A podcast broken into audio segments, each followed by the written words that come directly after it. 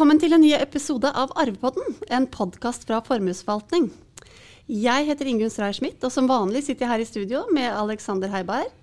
Godt å se deg, Alexander. Vi har tatt opp på oss finstasen og kommet oss ut av hjemmekontoret i dag. Ja, Omsider er vi ute. og Det syns jeg vi sier hver gang vi spiller en podkast, at endelig er vi ute av hjemmekontoret. Men nå håper vi kanskje at det nærmer seg for godt. Ja, det håper jeg også. Du, eh, Vi kickstarter denne tredje sesongen av Arvepodden. Utrolig at vi har kommet eh, så langt, faktisk. Ja med tema generasjonsskifter. For er generasjonsskapet større nå enn før? Og hvordan kan neste generasjon involveres på en god måte? Og er det lurt å overføre store verdier til barn i ung alder? Og i dag vi, er vi så heldige å ha besøk av Formuesforvaltnings konsernsjef Øystein Bø. Velkommen til deg, Øystein. Ja, hei. Tusen takk. Hyggelig å være her. Veldig hyggelig å ha besøk av deg. Øystein er jo en av grunnleggerne av formuesforvaltning, og har nå over 25 års erfaring med rådgivning til formuende familier. Og som rådgiver så har jo du kommet veldig tett på mange norske familier, og lært mye om hvilke problemstillinger som går igjen når det kommer til arv og generasjonsskifte. Og vi, Alexander og jeg, vi har gledet oss veldig ja. til å høre dine erfaringer rundt hvordan generasjonsskifter har utviklet seg siden 2000-tallet.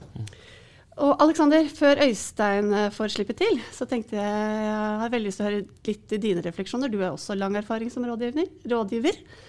Og sto, tenker du at neste generasjon sto de mer med lua i hånda før og tok det de fikk? Ja, det er jo øh, det, det, uttrykket å stå med lua i hånden, det er litt sånn usikker på om mine barn egentlig overhodet forstår. Og jeg merker jo kanskje at jeg som forelder også har vært vel så opptatt av at barna skal få den lua på hodet. Um, ikke stå med i hånda. Og, og, kanskje så er det også litt uh, et liksom beskrivelse for hvordan vi som foreldre har, um, har, vært opptatt av å oppdra barna våre òg. De skal ikke stå med noe lue i hånda, de skal være selvstendige, de skal ha seg en god utdanning, de skal kunne ta selvstendig gode valg, de skal være uavhengige. Uh, så, så, jeg er litt sånn usikker på om det er barna som, som har nødvendigvis uh, selv noe sånn veldig annet syn på dette, eller har gått fra å være fryktelig beskjeden til å bli fryktelig frempå, eller om det rett og slett er resultatet av den samfunnsutviklingen og hvordan vi har oppdratt barna våre. Så jeg tror liksom hele dette synet på arv har endret seg litt. Mm. Og jeg tror ikke nødvendigvis at man er mer kravstore, men man, men man kanskje tar mer selvstendige valg, ønsker å være mer selvstendig, og, og, og arv blir på en måte en, en del av det bildet. Ja, Øystein, eh, jeg vet at du har mye på hjertet rundt uh, akkurat dette. Um, og jeg bare tenkt at lytterne skal bli litt bedre kjent med deg, for du var jo med å etablere formuesforvaltning tilbake i uh, år 2000. Du har sittet som administrerende siden uh, 2009. Og selv om du leder formuesforvaltning, så har du fortsatt mye kundekontakt. Og du har faktisk flere kundeforhold helt tilbake til da vi startet opp i 2000, år 2000. Og hva er de viktigste endringene du ser blant kundene i dag i forhold til da du startet som rådgiver? Ja, Først og fremst så tenker jeg vi kan stoppe opp litt ved at eh, Norge som nasjon eh, de siste 20-25 årene har jo eh, blitt en mye mer formuende nasjon. En mye rikere nasjon. Så det ligger der som et bakteppe. Eh, det betyr at det er jo langt flere som er formuende i dag. Og formuene har blitt større. Um, særlig de siste fem årene opplever vi, når vi ser på, på, på, tallene, at det har skjedd. Det er mange bedrifter som har blitt veldig verdifulle um, som følge av hele rentenedgangen, hele utviklingen i økonomien, eh, både i Norge og globalt. Og så kommer det sammen med at vi har et uh, stort uh, etterkrigskull uh, som nå ja, kanskje er i alder rundt 70 eller mellom 70 og 80 år. Og som også har da gjennom disse siste 20-25 årene bygd opp store verdier. Og, og vi står midt oppi egentlig en, en veldig stor overføring av verdier fra en generasjon til en annen. Så disse to tingene med den generelle velstandsutviklingen, mange flere formuende, større formuer og det store etterkrigskullet, det, det, er liksom det som nå virker sammen. Mm. Det er en veldig annerledes situasjon enn hvor vi var når vi startet formuesforvaltning i 2000. Her er det ganske store, det har vi snakket om ganske mange ganger i denne poden, at det er store verdier som dette omfatter store verdier. Da. At, eh, at vi ser at som du sier, Øystein, allerede så er vi i gang. Og, og de neste 10-20 årene så kommer det til å være enda større verdier som overføres fra en generasjon til en annen. Og så må vi ikke glemme at det er ikke bare snakk om penger, dette. Det er jo snakk om ikke minst eierskap i bedrifter. og i mange tilfeller så er det i tillegg til et skifte av eier, så er det også skifte av ledelse. Altså, særlig gründerbedrifter vil jo ofte være både eier og ledelse vil være samme person. Så nå, så, nå skal disse bedriftene både få nye eiere og de skal få ny ledelse.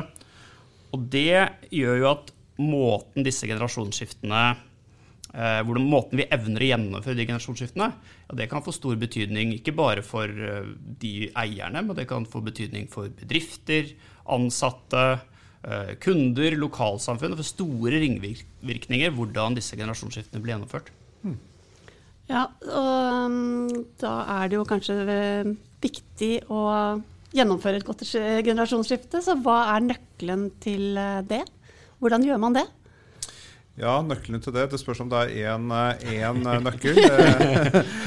Men hvis vi skulle resonnere litt rundt det, fall, så tenker jeg det har jo selvfølgelig veldig mye å gjøre med hvordan tenker de som i dag eier formuen, som kan være både eiendommer, bedrifter, finansielle verdier.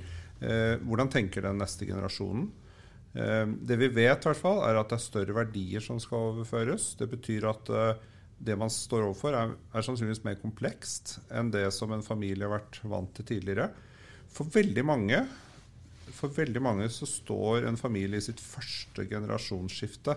Det er ikke sånn at man, man har vokst opp i en familie som man kunne observere hvordan gjorde mor og far dette forrige gang. Nei, det er faktisk sånn at det er denne generasjonen som har bygd opp eh, bedriften eller verdiene, og, man skal gjøre dette for første gang. Så, eh, så er det sånn at eh, ja, dagens unge er jo en generasjon som har høyere utdanning. og det kan man diskutere, selvsagt, men, men, man kunne jo tenke seg at de var enda bedre rustet på en måte til å være de som skal ta over. Um, og mer bevisst, som du var inne på, Alexander, på hva som er viktig for dem. Uh, så jeg tenker at uh, det, er en, det, er en, aktiv generasjon som har egne meninger, tanker, mål og ønsker, som i dag står der. Og, og, og da er jo det viktige, tenker jeg, et suksesskriterium, den nøkkelen vi snakker om, det er jo veldig ofte kommunikasjon. da. Mm. Snakke sammen og lytte til hverandre. Det er den kommunikasjonen mellom generasjoner. Uh, og så kan man tenke seg at ja, vi snakker jo veldig mye om at uh, neste generasjon er annerledes enn den generasjonen som sitter og kontrollerer i dag. Og, uh, kanskje har det alltid vært et visst sånn gap mellom generasjonene. At det er ikke noe, det er ikke noe nytt, det, kanskje? Hva tenker du rundt det? Jeg tenker at uh, enhver en generasjon har hatt sitt gap. Men jeg tror gapet Sannsynligvis er gapet hver gang forskjellig. Og det kan være ting som tyder på at denne gangen så har eh, en del faktorer utviklet seg så raskt og så kraftig, sånn at gapet er større. F.eks.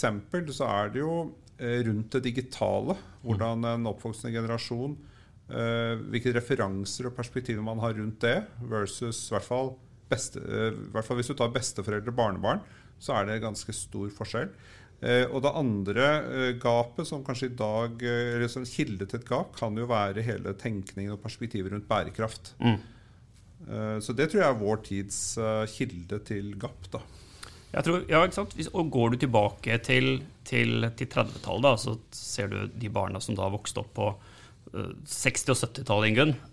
Vi er i flower power. og klart at Det er nok opplevd å være et gap mellom kanskje den veldig konservative foreldregenerasjonen og, og den motvekten som vi fikk på, på 60- og 70-tallet. Jeg tror Man opplevde det et gap da òg. Det var et veldig synlig gap, i hvert fall. Ja. Visuelt, visuelt, så det veldig ut som gapet var ganske stort. I hvert fall hvis man ser på bildene. Kanskje er ikke gapet så, så synlig Nei, på den måten nå? Det er mer nå. subtilt. Og det kommer kanskje sånn som Øystein på mer i form av kompetanse mer bevissthet, og ikke minst at man i dag har kanskje mange flere muligheter som neste generasjon griper, som kanskje ikke er innenfor bedriftene eller familien. Ja, så er det, jeg tror det, Du har helt rett, Øystein. Det har kanskje noe med det at ting går raskere. Mm. Uh, at, at, I hvert fall mange opplever nå, tror jeg, uh, at, uh, at, særlig med teknologi så er det jo mange som, som, kjenner at det kan jeg faktisk kjenne på selv, at det er det bare det å henge med er, eh, er litt utfordrende. Og det syns jeg det skaper litt en sånn interessant dynamikk. Altså, går vi en stund tilbake, så var det jo veldig vanlig at man tenkte at jo, man brakte kunnskapen videre. Altså at Foreldre var hovedkilden kanskje til kunnskap for barna om hvordan man skulle gjøre ting. Mens med den raske utviklingen vi har nå, så går det ofte ikke lang tid før det er foreldrene som spør barna. Hvordan skal vi gjøre dette? Og, og barna blir like mye en kunnskapskilde for de voksne. Det er jo interessant. Det, ja. Jeg, jeg, altså, jeg bare For å henge meg litt på det, Alexander. Jeg tenker at det òg er jo hvis man tenker på seg selv, litt utfordrende å ta inn over seg. Ja. For på den ene side så tenker man kanskje at eh, jeg og eh, min generasjon har eh, bygget eh, denne bedriften, skapt disse verdiene. Og samtidig så må man på en måte gjennom en erkjennelse at, eh, at barna eh, på flere områder kanskje da har et annet ståsted og har kommet eh, lenger. Så, så den nerven som ligger i det, den spenningen der, den er interessant. Kanskje erkjennelsen av at på noen ting så kan det faktisk være at barna dine vet eh, bedre enn deg. Ja, kanskje rett og slett eh, familiebedriften eh, trenger den kompetansen som neste generasjon har på et mye tidligere tidspunkt nå enn før.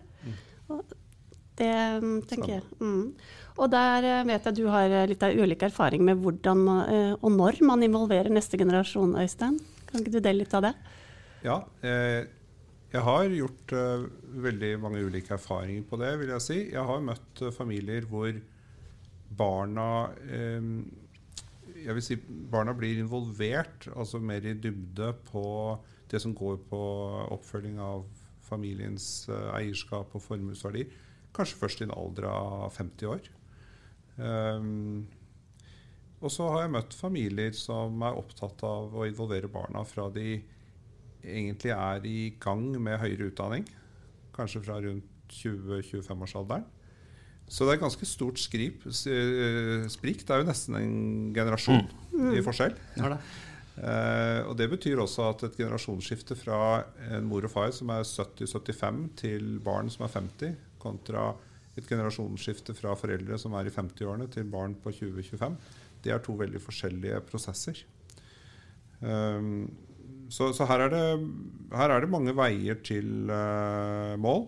Uh, jeg opplever nok at uh, veldig mange, både foreldre og ikke minst barn, eller unge voksne, er opptatt av dette med at enhver Det er på en måte en slags både viktig rett, men også det, det, det er noe med mestring i det å ta en utdanning, eh, velge seg ut en livsretning, mestre det, og mestre å etablere seg med et eget første bosted. Det er noen sånne grunnleggende ting som jeg tenker er veldig viktig at ingen blir fratatt. Eh, Det å få til det mest mulig på egen hånd, det, det tror jeg betyr mye for den enkelte. da. Det er ofte lurt å kunne stå på egne ben, uansett hva man, eh, hva man skal gjøre. Det, ja, og Som foreldre så har man jo ofte lyst til å hjelpe. Men det er jo en avveining med hvor man kommer til det skjæringspunktet hvor man kanskje hjelper for mye. At det, blir put, at det ender opp med å bli en sovepute. Og det skal man jo Det vet jeg at du eh, har litt tanker rundt, Øystein. Altså jeg tror det er en veldig stor forskjell på det å hjelpe til, sånn at de kan få gjennomført eh, utdanning og etablere seg, kontra det at man eh, hva skal jeg si, gjør det på en sånn måte at eh, barna slipper å gjøre like mye innsats selv. Eller at de slipper helt å gjøre en innsats i forhold til å få sitt første bosted osv. Eh, da, da tror jeg man er eh, vippet over grensen for eh, noe som kan faktisk slå negativt ut for, for barna, og som kan ta fra dem følelsen av egen mestring. Da. Um, ellers så syns jeg jo det er spennende eh, med um, egentlig grunnbetydningen i ordet formue. Det kommer jo egentlig fra det, det tyske ordet og Det handler jo veldig mye om eh, evnen til å skape noe, ta ut et potensial. Og hvis man legger det til grunn, og, og tenker at formue ikke bare er finansiell formue, men det er også innsats og kompetanse, tenker kompetanse på tvers av generasjon, som vi har snakket om, så er det noe positivt med å involvere neste generasjon heller tidlig, altså i 20-årene, enn i 50-årene, tenker jeg da. Da, da. da øker man sannsynligvis muligheten til liksom å ta ut dette potensialet og bruke denne evnen som ligger i begrepet formue. Ja, jeg tenker at Dette er noe vi møter ganske ofte i rådgivningen vår. Hvis, hvis vi tar det og overfører til, til, arv, da. Hvordan kan vi bruke arv eh, som, en, som, en, positiv ressurs? Eh, sammen med de andre ressursene som neste generasjon har. Eh, for klart at for mye arv, det kan jo ta bort uh, skaperkraften, men, men, det kan jo være at akkurat den arven også, det, de midlene, um, kan hjelpe til å realisere potensialet. Det er jo dette litt slitte Warren Buffett-sitatet, hvor han sier at han, han, skal gi barna så mye at de kan gjøre alt i verden, men ikke så mye at de kan velge, kan velge å gjøre ingenting. Jeg tenker at Det er veldig mange foreldre som, som kjenner på akkurat å finne den balansen. Ja, og eh, her tenker jeg en, eh, en, lignelse man kan bruke, som jo mange kjenner til, er jo Statens pensjonsfond utland, eller eh, Hele nasjons oljefond. Mm. Der var jo eh, politikerne for noen tiår tilbake kloke og etablerte en handlingsregel. Eh, og den kan man jo overføre også til en familie. Og i rådgivningen som, som, jeg har lagt til grunn, og som vi legger til grunn, så er jo ideen om at hver familie bør tenke som et oljefond ha en handlingsregel. Den mener jeg er god. Eh, å se på det som er bygget opp, som noe som egentlig har et evighetsperspektiv. Eh, og det, hvis man har den tilnærmingen, så ivaretar det at alle, enhver generasjon, må jobbe for å skape noe. Eh, og man får ikke tilgang til store verdier veldig raskt. For får man det, så kan ofte verdiene mm, heller ødelegge enn å, enn å øke potensialet. Og, og, store verdier man får tilgang til veldig raskt, kan også være livsendrende. Altså det kan være livsstilsendrende. Mm. Uh, og det vet vi jo at uh, ikke alltid uh, har bare positive ting med seg. Det som jeg har sett i noen tilfeller, er jo eksempler på barn som har fått overført verdier ganske tidlig. Og og da har kanskje ikke forberedelsene vært uh, gode nok. Det kan også ha vært kombinert med et form for formynderi. At f.eks. en advokat eller en verge har vært satt opp for å uh, det, vokte midlene opp til en viss alder. Uh, men så, når du kommer til det punktet, så, og hvis det ikke har vært godt nok forberedt, ja, så får man tilgang til disse store verdiene. Og ja, det, det, det har ikke alltid ført godt med seg. Så hvis man tenker mer på formuen i et evighetsperspektiv eh, Man har en handlingsregel som man kan anvende kapital til utdanning, til nye initiativ. Man skal sikkert betale litt formuesskatt og eh, den type ting. Ja, så, så, reduserer man en stor risiko for dette med negative effekter av livsstilsendring. Da. Jeg tenker at Det du tar opp der også, Øystein, er et veldig godt eksempel på noe vi har snakket om mange ganger. Ingunn. Dette med at et juridisk rammeverk, en struktur, et verge Eh. Ja, det i seg selv, det, det er viktig. Juristen i meg sier jo at det er kjempeviktig, men, men, det løser jo ikke alt. Man blir jo ikke en god eier eller en god forvalter av kapital av en, en, et godt testament og en god aksjonæravtale. Så, så, jeg tenker at det at man også ser på hvordan skal man faktisk gjøre da de i stand til å, ja, til å ta vare på dette til det beste både for seg selv og, og omverdenen, det blir en viktig del av det. Og da må man jo også se på hvordan er det eh, Hvordan skal vi gjøre det i den tiden og den konteksten som, som den generasjonen lever i? Og ikke mm. bare i hvordan var det jeg gjorde, og hvordan min far og min bestefar gjorde det. Ja, Apropos det. Hvordan eh, ser generasjonsskiftene nå ut i et likestillingsperspektiv, og hvordan eh, påvirker det oss eh, som rådgivere? Ja, Det er ingen tvil om at uh, historisk, og jeg vil også si fram til, uh, til, til, til, i dag, nyere tid, så er det jo uh, i et langt flertall av situasjonene mannen som har sittet på Eh, formuene og verdiene. Eller i hvert fall så er det mannen som har vært den som har brukt mest tid og vært en slags eh, representant utad for familien når det gjelder oppfølging av formuen.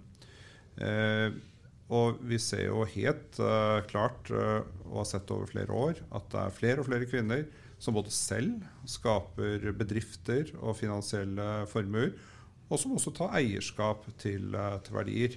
Så, så det, den omskiftingen den akselererer jo stadig, og demografien, utdannelsesmønster, vil jo sørge for at det fortsetter eh, med full kraft i årene som kommer. Så vi står overfor et skift fra mannlige til kvinnelige beslutningstakere. Det er vel til og med noen som sier at eh, det kommer til å være altså, flere, Den største delen av formuen kommer til å være eid og kontrollert av kvinner. Ja. Og, så, så, det er ikke bare at liksom, vi blir likestilt, men at faktisk kvinner kommer til å ha en større stemme inn i forvaltningen av verdens verdier enn det menn kommer til. Ja, og, og i den sammenheng så syns jeg det er interessant uh, når vi trekker erfaring fra de mange dialoger vi har, at uh, vi syns nok vi kan se at i veldig mange tilfeller så har kvinner i større grad enn menn uh, en bedre evne til et helhetsperspektiv og, og tenke gjennom mer langsiktig. Egentlig tenke forbi de rene finansielle verdiene, avkastningen, og heller være opptatt av hva formuen skal utrette. Mm. Ja, og de som ønsker litt mer fordypning rundt dette temaet, bare, nå er det litt egenreklame her, men de kan jo gå inn på formue.no og laste ned vår rapport som heter Scan her wealth. Og der kan, den gir faktisk et litt unikt innblikk i hva formuende skandinaviske kvinner tenker rundt disse temaene. Men uh, du snakket tidligere om uh, denne bølgen som, uh, med generasjonsskifter. jeg syns det var litt sånn spennende å høre Er bransjen forberedt på dette, eller hvordan forbereder vi oss på dette? både vi i bransjen som helhet, og kanskje spesielt vi i formuesforvaltning? Ja, hvis vi ser 22 år tilbake, da når vi startet formuesforvaltning, så hadde vi to eksperter innenfor dette området.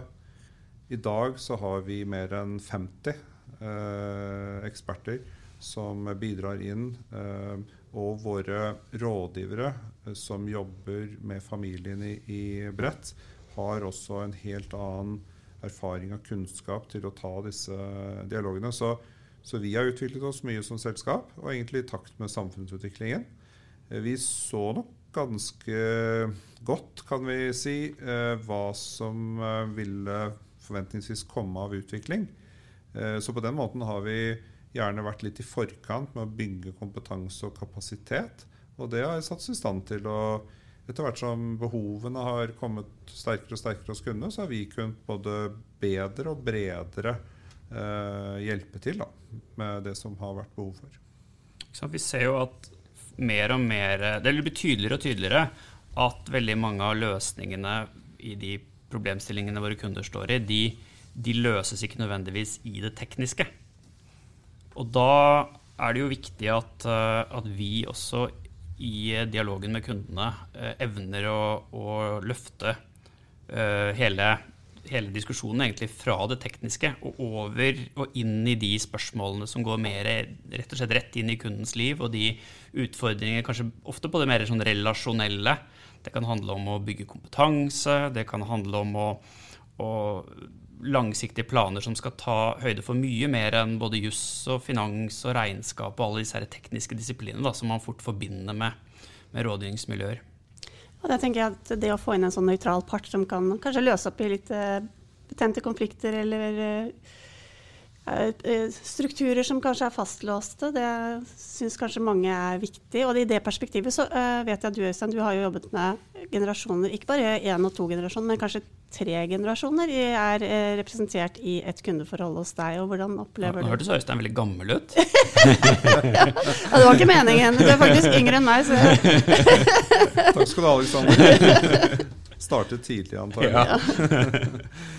ja, nei, men eh, til det du sier, Ingunn. Så jeg tenker ja, det eh, Egentlig i enhver prosess som har noe litt mer sånn eh, strategisk over seg, enten det er i en bedrift eller en familie, så er det alltid bra og at det kommer en, en uh, ressurs utenfra som kan hjelpe til å liksom, fasilitere dialogen.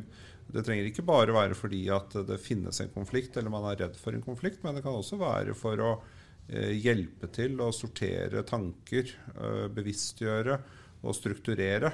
Eh, fordi det er nok mange som går og tenker på mange ting, og så skyver man dette litt foran seg. for man Enten så har man ikke tid i hverdagen til å ta tak i det, eller så har man ikke helt de verktøyene som trengs for å, å, å få gjennomført det.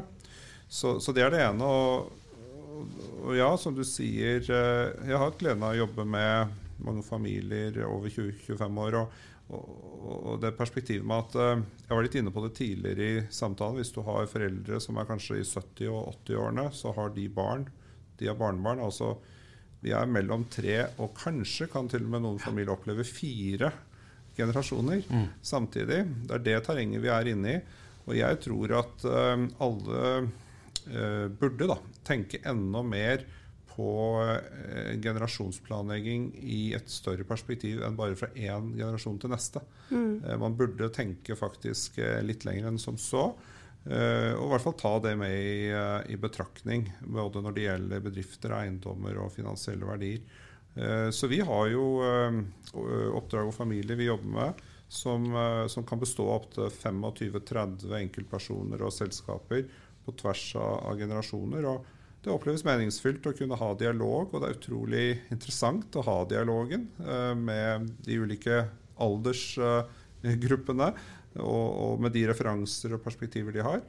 Eh, og, det er nok her vi er tilbake til denne visjonen vår, at vi skal bidra til et rikere liv. altså vi kan ha en dialog som hjelper til med perspektiver som går langt utover avkastningen i et fond eller en portefølje. Det handler liksom om hvordan verdiene skal um, Hvordan man skal ta ut potensialet i verdiene over både én og to og tre generasjoner. Da. Men det var um, veldig fine refleksjoner du gjorde der, Øystein. Og det syns jeg var, er et fint punktum for denne episodens, eh, denne episoden rundt generasjonsskiftet. Med det setter jeg faktisk strek for i dag. Og tusen takk til deg, Øystein, for at du kom og besøkte oss. Eh, det var veldig interessant og lærerikt. Og takk til deg, Aleksander. Vi er tilbake med en ny podkast. Vi er plutselig tilbake igjen. Plutselig, plutselig så er vi på gata med en ny podkast. Og takk til deg, eh, Daniel Kobberstad Moe. Du har levd i skyggen så langt, men nå i dag tenkte jeg vi skulle rette en takk til deg. Og du styrer det tekniske og er den som sørger for at dette høres bra ut når vi er på lufta. Uh, og tusen takk til dere som lyttet inn. Si rett og slett takk for i dag. Takk for i dag.